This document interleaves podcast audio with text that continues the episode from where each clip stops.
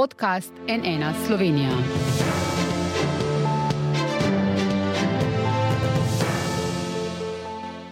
Dobro dan, to je NN studio. Zakaj bi si parlamentarci želeli odrezati večji kos proračunskega denarja in to na račun neparlamentarnih strank? Gre za resno ogrožanje demokracije in pluralnosti, kot pravijo manjše stranke, ali pa bo prenovljeni zakon prinesel bolj stabilno financiranje vseh strank, kot trdijo predlagatelji, torej večina parlamentarnih strank, tudi največja med njimi Gibanje Svoboda. Z nami so zdaj poslanec Svobode, Leonard Džavbi in so predsednik Vesne zelene stranke Uroš Macrl. Dobar dan, lepo zdrav. zdrav. Začnijo pa midva, gospod Žavbi, vi pravite, da po trenutni ureditvi največje parlamentarne stranke dobijo manj sredstev, najmanjše, predvsem neparlamentarne, pa občutno več in to na račun največjih strank. To se vam očitno ne zdi pravično. Zakaj menite, da bi vaš predlog prinesel bolj stabilno financiranje vseh strank? Najprej dober dan in vse čestitke vašemu mediju po obletnici, ki ste na slovenski medijski in politični prostor prinesli eh, zvrhano mero pluralnosti, zdaj pa k samemu zakonu. Uh, mogoče je pravilno, da dekonstruiramo, kako je do tega zakona kot zakonskega predloga prišlo. Osnova za ta zakonski predlog je uh, uh, sporočilo računskega sodišča. Je sporočilo uh, računskega sodišča državnemu zboru, kjer v desetih straneh poda svoje pripombe na dva zakona. Na zakon o političnih strankah in na zakon o, in na zakon o referendumih. Ampak o tem trenutno še ne odločamo, ta še ni sformuliran. In prvi je zakon o političnih strankah. V tem poročilu uh, nedvoumno piše, in da bom citiral iz druge strani priporočila, uh, oziroma poročila za 23. člen računsko sodišče predlagamo razmislek o tem, ali je potrebno povečati financiranje političnih strank iz sredstev državnega proračuna ter iz zasebnih virov, kot je predstavljeno pri 25. členu. Prvenstveno predlagamo razmislek o tem, ali je potrebno povečati financiranje političnih strank iz sredstev državnega proračuna in sicer ali je potrebno, da se a dvigne prag za pridobitev pravice do financiranja iz proračunskih sredstev, kot je določen v 23. členu, tako naj se dvigne na naprimer 2 odstotka glasov voljivcev ali B spremeni razmerje za razdelitev sredstev glede na enake deleže oziroma sorazmerno s številom glasov, kot je to urejeno v tretjem odstavku 23. člena. Torej, eh, računsko sodišče je tukaj dalo dve priporočili, kako bi reševali to problematiko. Nam se je v svobodi in tudi v vseh strankah podpisnicah tega zakona zdelo, da ne bi šli ravno na uh, dvig praga za um, prejem proračunskih sredstev, kajti en odstotek je relativno, uh, bom rekel, normalno tudi v ostalih državah, pa tudi zdi se nam prav, da neparlamentarne stranke dobivajo svoj uh, znesek, tudi če so te med ena in dva odstotka in da so uh, nek elementaren del demokracije. Zdaj pa pri samem zakonu, pri takšnem, kakršnem je, zakon je še zmeraj živa stvar, je bil danes sprejet na kolegiju uh, predsednice državnega zbora, da bo vrščena naslednjo sejo, bo še tudi obravnavan na odboru, kjer je opcija za amantmaje. Mi smo nekatere pomisleke, ki so se v zadnjem tednu dveh izpostavili, slišali in nas cilj, da na koncu nišče ne bo imel niti evra manj od tega zakona in uh, mislim, da bomo to z ustreznimi odmaji tudi v tekom zakonodajnega postopka naslovili.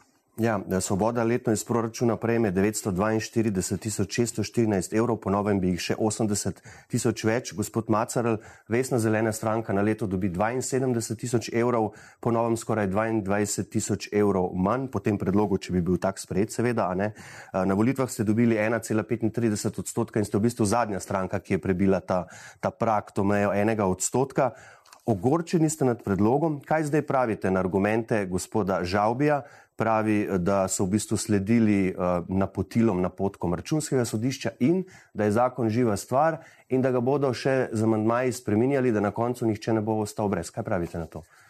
Vsekakor se nam zdi, če se sprejme ta novo razmerje predlagano, uh -huh. uh, resno ogrožanje demokracije v Sloveniji. Uh, večje politične stranke imajo že itak dovolj denarja. Samo pogledamo, s koliko denarja pač operirajo, In ta denar se potem v, najbolj pozna v kampanjah. Če pogledamo, koliko so velike stranke porabile v kampanjah, recimo Gibanje Svoboda, če se ne motim, tam 400 tisoč, SDS, Nova Slovenija preko 600 tisoč in tako naprej.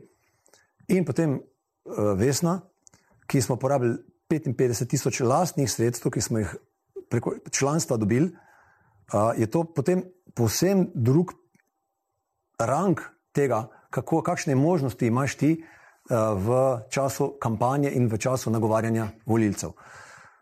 Seveda je takšno financiranje za nas, ki ga zdaj dobimo, recimo nekaj manj kot 6 tisoč, nam omogoča tisto pokritje osnovnih sredstev, uh, najemene manjše pisarne, potem pa delo s članstvi, organiziranje raznih okroglih uh, odpiranje tem, kot je bil tudi recimo za čist zrak v Ljubljani, za kanal C0, uh, ker smo organizirali prvo v bistvu. Um, uh, prvo, prvo um, um, uh, v bistvu ta, ta kanal C nič ni imel sploh um, javne obravnave in, in je v bistvu Vesna uh, organizirala javno obravnavo. In to so vse neki stroški, ki jih mi, pa recimo PR, ki ga moramo slediti. In komaj to pokrijemo, kje bomo recimo v naslednjih volitvah uspeli uh, biti vsaj malo konkurenčni. Ne? A pa je to vaš, prečujem, največji prihodek stalni, ki ga imate? Da, v bistvu, seveda, lete, članstvo, to, če na koncu seštejemo, so zelo majhna sredstva. In poglejmo, kako imajo velike stranke že tako veliko prednost, da si ta ekosistem uredijo. Ne svojega vzdrževanja, te, recimo preko medijev, kako lažje pridejo do medijev, kako lažje pristopajo uh, do gospodarstva, kako lažje potem donacije dobivajo. In zdaj bi si v bistvu dvakrat povečali prihodke. Enkrat, da bi si skupno količino denarja povečali, ki bi šla za politične stranke, potem bi pa od te povečane skupne količine vzeli ne več 75%, ampak celo 90%. Kar je, se mi zdi, dvakrat nedemokratična poteza. Dvakrat nedemokratična uh, poteza in slišali smo, večje stranke imate že tako ali tako dovolj denarja. Dajmo samo par stvari razčistiti. Svoboda je šla na volitve 2022 kot novo ustanovljena stranka, ki ni bila parlamentarna. Torej vsa sredstva, ki smo jih porabili za parlamentarno kampanjo 2022, so bila zbrana z donacijami, z prispevki članov in tako dalje. In tukaj smo popolnoma identični. Tako da svoboda tukaj ni, uh, to, ta očitek je irrelevanten. Druga stvar, da bi bilo to nedemokratično. Lejte, uh, mi sledimo uh, poroči, priporočilom ene najbolj neodvisnih institucij v tej državi. Mislim, da računsko sodišče je eno od institucij, ki je zaenkrat v zgodovini samostojne republike eno zadnjih branikov, ki nikoli ni bilo politizirano, oziroma ki ni politizirano. Tako da to se mi zdi. Mm, nekako um, populističen argument, da je to nedemokratično, ker nima nobene realne osnove. Zdaj, glede pa financiranja večjih strank, Zdaj, bo, ali pa financiranja strank na splošno, lahko damo en primer. Uh, Hrvaška. Hrvaška sta dve največji stranki, HDZ in SDP. Uh, lahko proporcionalno gledamo, da sta približno imata enako število mandatov kot SDS, pa Svoboda v parlamentu. Skupaj dobita, pozor, 8,5 milijona evrov, Hrvaška dvakrat večja, ok. V Sloveniji ste, kot rekel, svoboda 980 tisoč, pa 942 940 tisoč, je to pred, tle ste bili še pri pojeni dve stranki, ne, ki sta tudi uh, uh, prispevali svoj delež k uh, volilnemu rezultatu 22. Se pravi, približno, če je tukaj 940 tisoč, pa pri SDS-u mislim, da je okoli 680, pa govorimo o milijonu pa pol. Ne, torej, milijon pa pol proti 8,3 milijona. To je primerjava dveh največjih strank, tako da vemo, o čem govorimo, ne? ko se primerjamo z drugimi. Te stvari niso primerljive. Slovenija tukaj zelo zaostaja, politične stranke kot take so podfinancirane, so, uh, če želimo iti po tem konceptu, ki smo si rekli, da bomo šli, torej da so politične stranke financirane iz javnega denarja, da je vse transparentno, da vemo uh, vsak evro, ki pride v politično stranko, odkje pride, kam pride.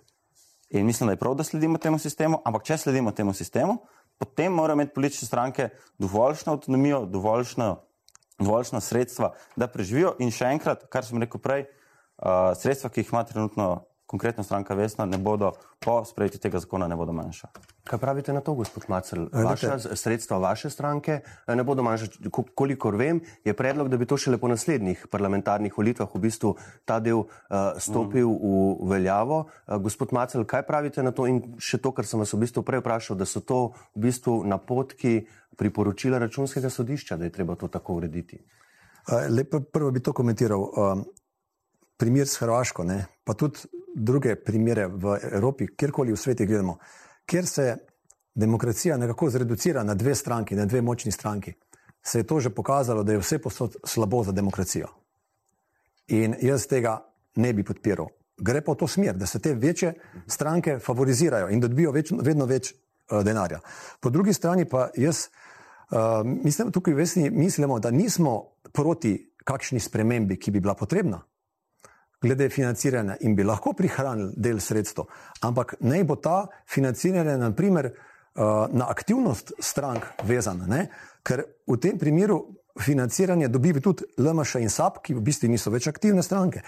Jelinčiča pogledamo, pogledamo stranko Pivčeve, povežimo Slovenijo. To so stranke, ki jih zdaj v političnem prostoru pravzaprav več ne zasledimo in jih ni, pa prejemajo sredstva. Ne? Ampak to so bile neke stranke, ki so bile tudi narejene kot neki sateliti ali pa kar za karkoli so bile. Ampak tukaj bi lahko postavili nek normativ, nek pogoj, da se, bom rekel, aktivnost stranke veže na financiranje, oziroma financiranje na aktivnost stranke. Kako bi to ugotavljal? In ne vemo, da je to je pač zakon je odprt in uh -huh. se mi zdi, da tak hiter postopek, kot ga grejo, je, bom rekel, na nek način nepotreben in bi se ga dali skomunicirati. Mi nimamo nič proti tem, da se danes uh, vzame denar tistim, ki jih pravzaprav nikjer več ni in samo pobirajo denar. Ali s tem plačujejo dolgove, ki so jih naredili v kampanji. Ampak so pa dobili glasove na volitvah, a ne? Drži, so dobili, ampak niso pa več aktivni. Da, gospod Džavbi, kaj pravite? So svoje volilce pustili na cedilu. Ne? Kaj pravite na to?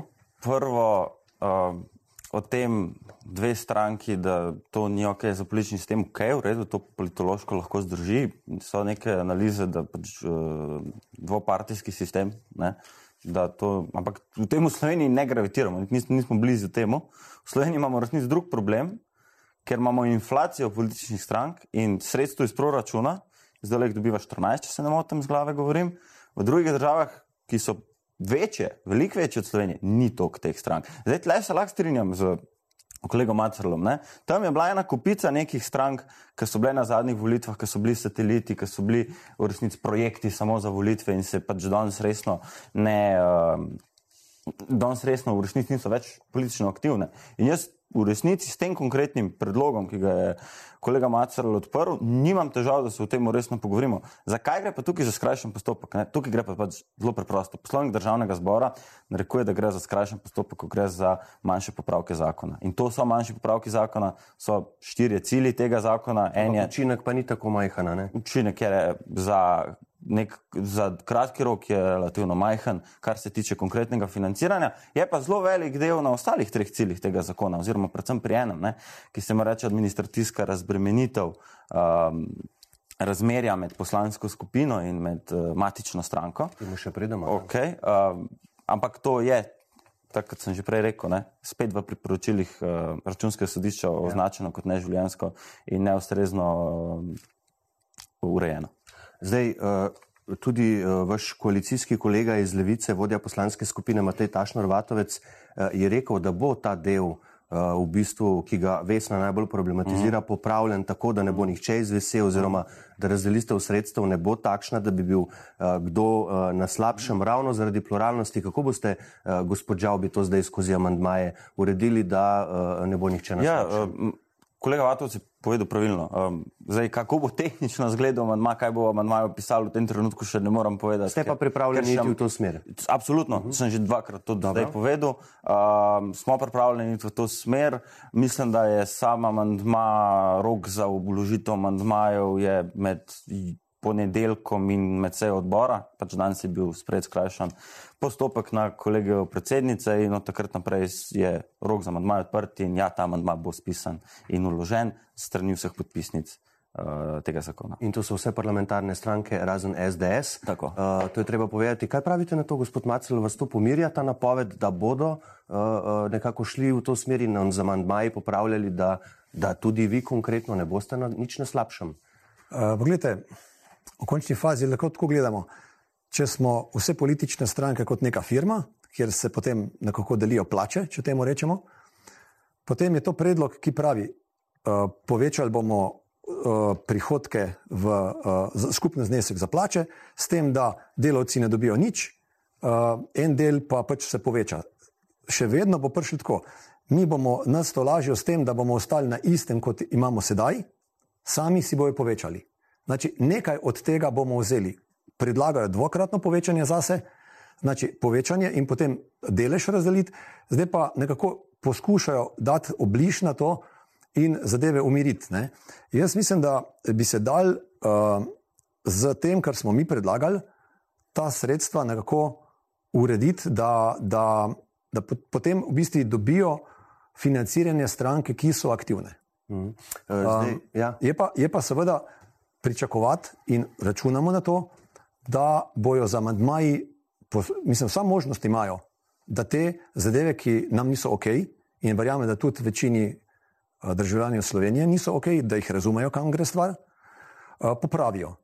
In če to popravijo, potem, recimo, gospod Vatovec iz Levice je že dal izjavo, da se tudi njemu zdi zadeva nedemokratična in da bojo poskušali za amedmaj popraviti. In zato smo se seveda tudi v Vesni uh, oglasili. Uh, in računam da, na to, da se zadeve popravijo. Ja? Ja, zdaj, zdaj, za kom stojijo državljani, je zelo paušalna ocena. Se mi zdi tudi tiste analogije z delavcami, z delavci. Nisem čisto dobro razumel, kaj ste hoteli povedati. Ampak, ja, uh, kot sem že uh, trikrat povedal, manjma bo um, in vse bo upravljeno korektno za, za zakonodajno proceduro.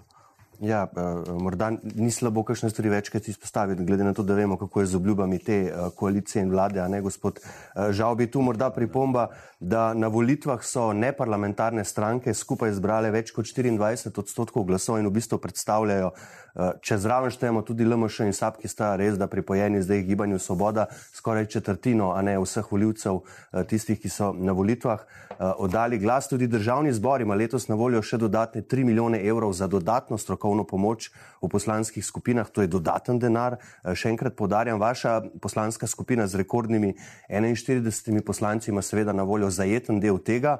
Do zdaj ste ga lahko na stranko nakazali največ polovico, ponovem ga boste lahko 70 30 odstotkov. Uh, a torej to ponovno ne bodo več namenska sredstva za uh, strokovno pomoč, zdaj se bodo izplačevala uh, kar po dvanajstinah, bolj preprosto bo priti do njih, uh, bodo še za ta namen ali nimajo več zdaj uh, tega? Ja, namena? seveda imajo ta namen, ampak prepletenost poslanske skupine in matične stranke je ogromna, ne? pač aktivnosti so povezane eno z drugimi. Ne? Zdaj, če sem konkreten, ne? če grem jaz kot poslanc na nek terenski dogodek, pa tega organizira stranka, so tukaj lahko stroški zelo deljeni. Ne? Pač neki se veže na parlament, na funkcijo, neki na poslance. Mi tukaj želimo, kot sem že prej omenil, v skladu s priporočili eh, računskega sodišča, narediti ta administrativni preskok med temi sredstvi, oziroma eh, transferje med temi sredstvi, pač manj zakomplicirane, bolj življenjske, bolj človeške. Mislim, da je celo življenjska, da so trenutna razmera neživljenjska, tudi v tem poročilu notri napisano. Um, Da, A se vi strinjate s tem, gospod Macel, z eh, to organsko povezanost poslanske skupine in stranke, da je pač je treba omogočiti, da se lažje ta denar, ki je namenjen poslanski skupini, pač prenakazuje na stranko, da je to, eh, da je to primeren način?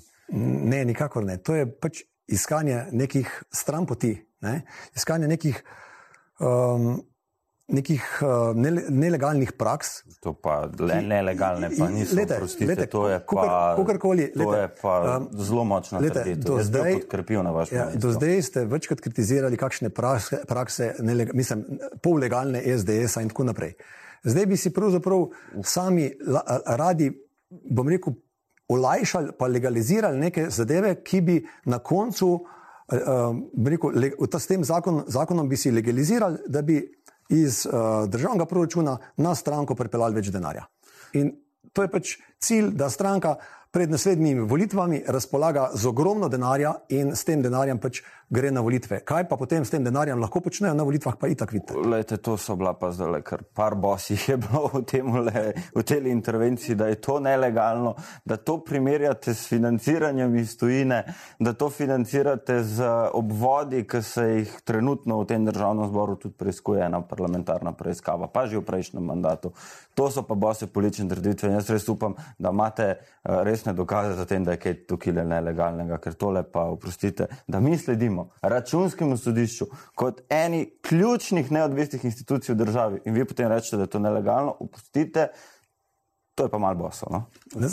Spod, spodbujajo pač nekaj, kar jim bo prineslo več denarja iz proračuna na stranko. In uh, slabši nadzor bi imeli, manjše kaznovanje. In v ta zakon imamo zapisano, kako se bo pač kaznovanje zmanjšalo, kako se bo nadzor zmanjšal.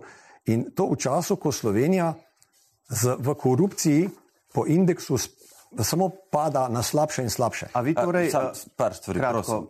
Kar se tiče tega le indeksa koruptivnosti, prvo navedite, kje ste te podatke dubu, drugo pa pol pete gledati, ker vem, kje ste te podatke ja. dubu, kdaj bi zajem teh podatkov. To je kar fajn pogledati, ker ta zajem podatkov ni bil storjen med to vlado. Uh, kar se tiče pa, aha, kar se tiče pa glob, ne.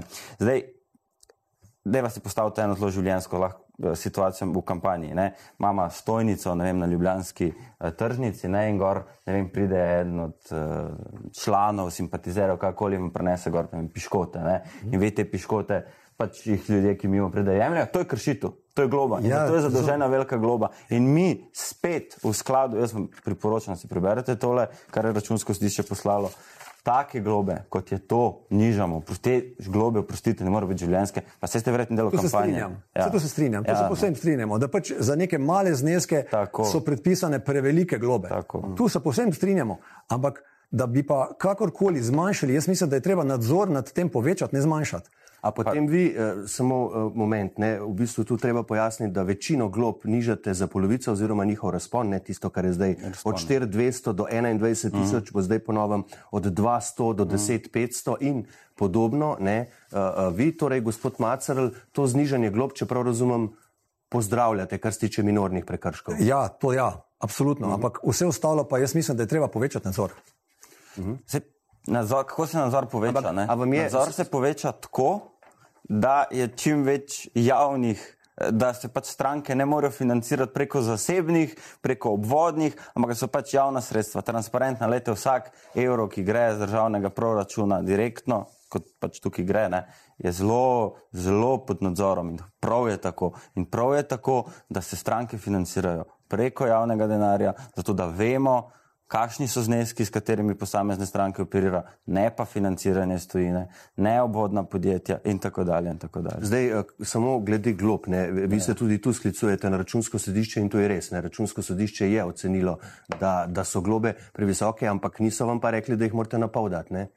Ja, to, to ste okay. sprejeli. Prav, zdaj govorijo o kvantificirani, uh mhm. -huh. da kvantifikacija tega je prepuščena zakonodajalcu. V redu. Ja. Ta argument sprejemam in pač. Dobro, eh, tudi račun... težko na njega sploh odzovem. Ja, tudi računsko sodišče strank, ki iz proračuna prejmejo manj kot 100 tisoč evrov na leto, ne bi več revidiralo. To recimo konkretno velja za vas, za vašo stranko, gospod Macaral.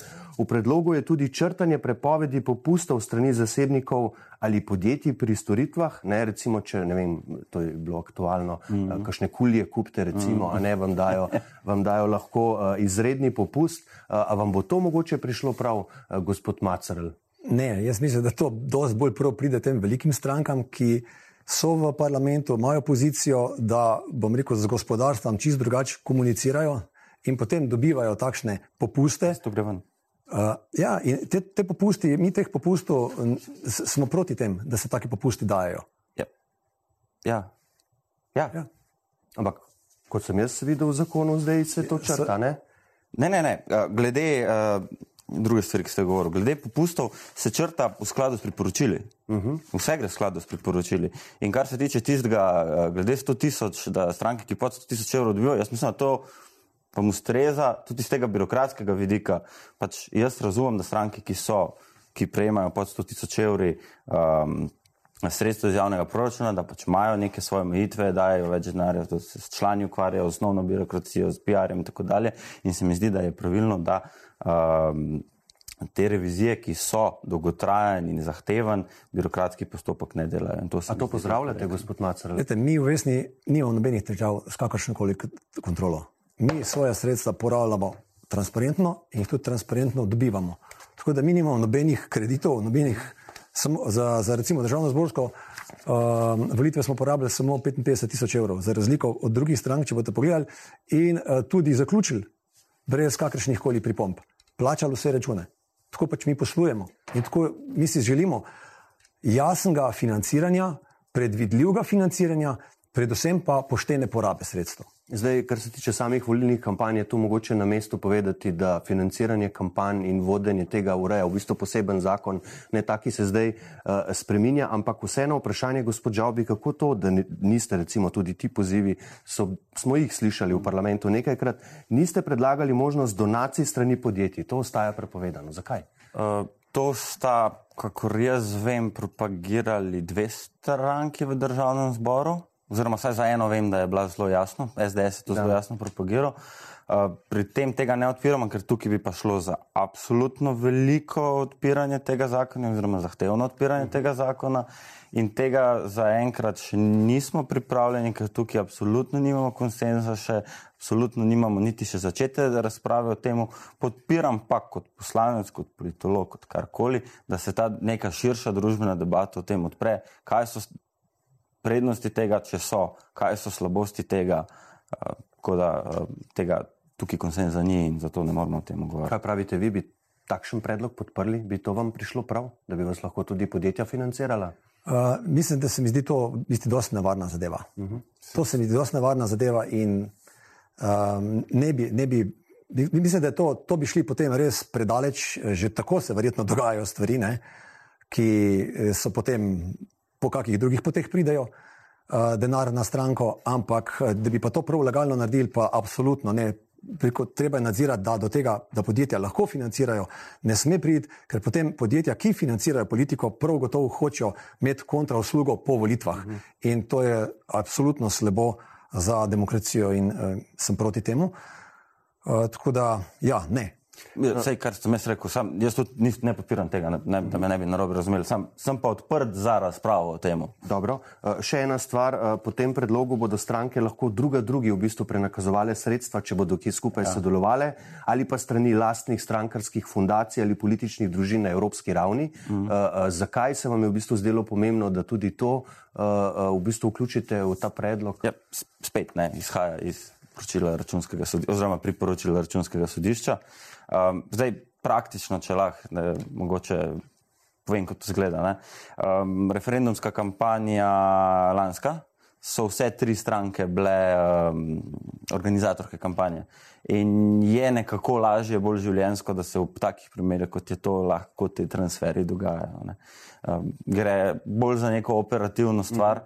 Uh, dejstvo je, da so politične stranke kot subjekti, kot entitete podrejene eni ogromni uh, zvrhani meri birokracije, uh, tako kot v resnici, sej tudi uh, navadni državljani. Ne?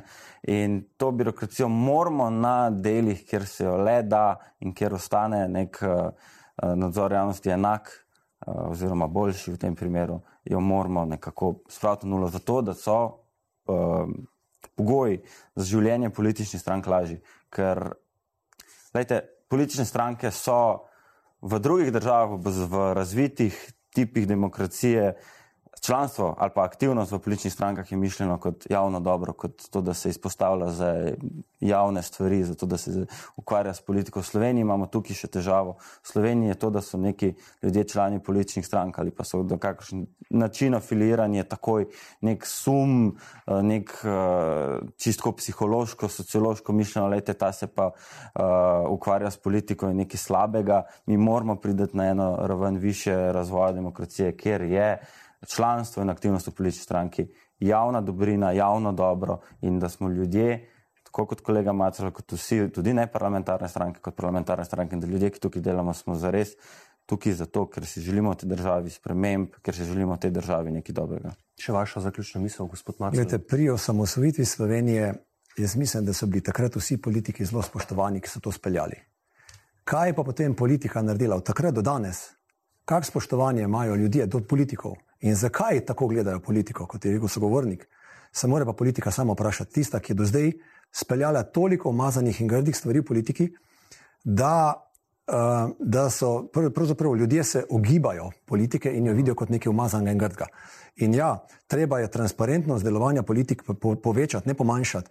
In razno mešanje sredstev med različnimi strankami, po našem, zmanjšuje transparentnost in zmanjšuje nadzor.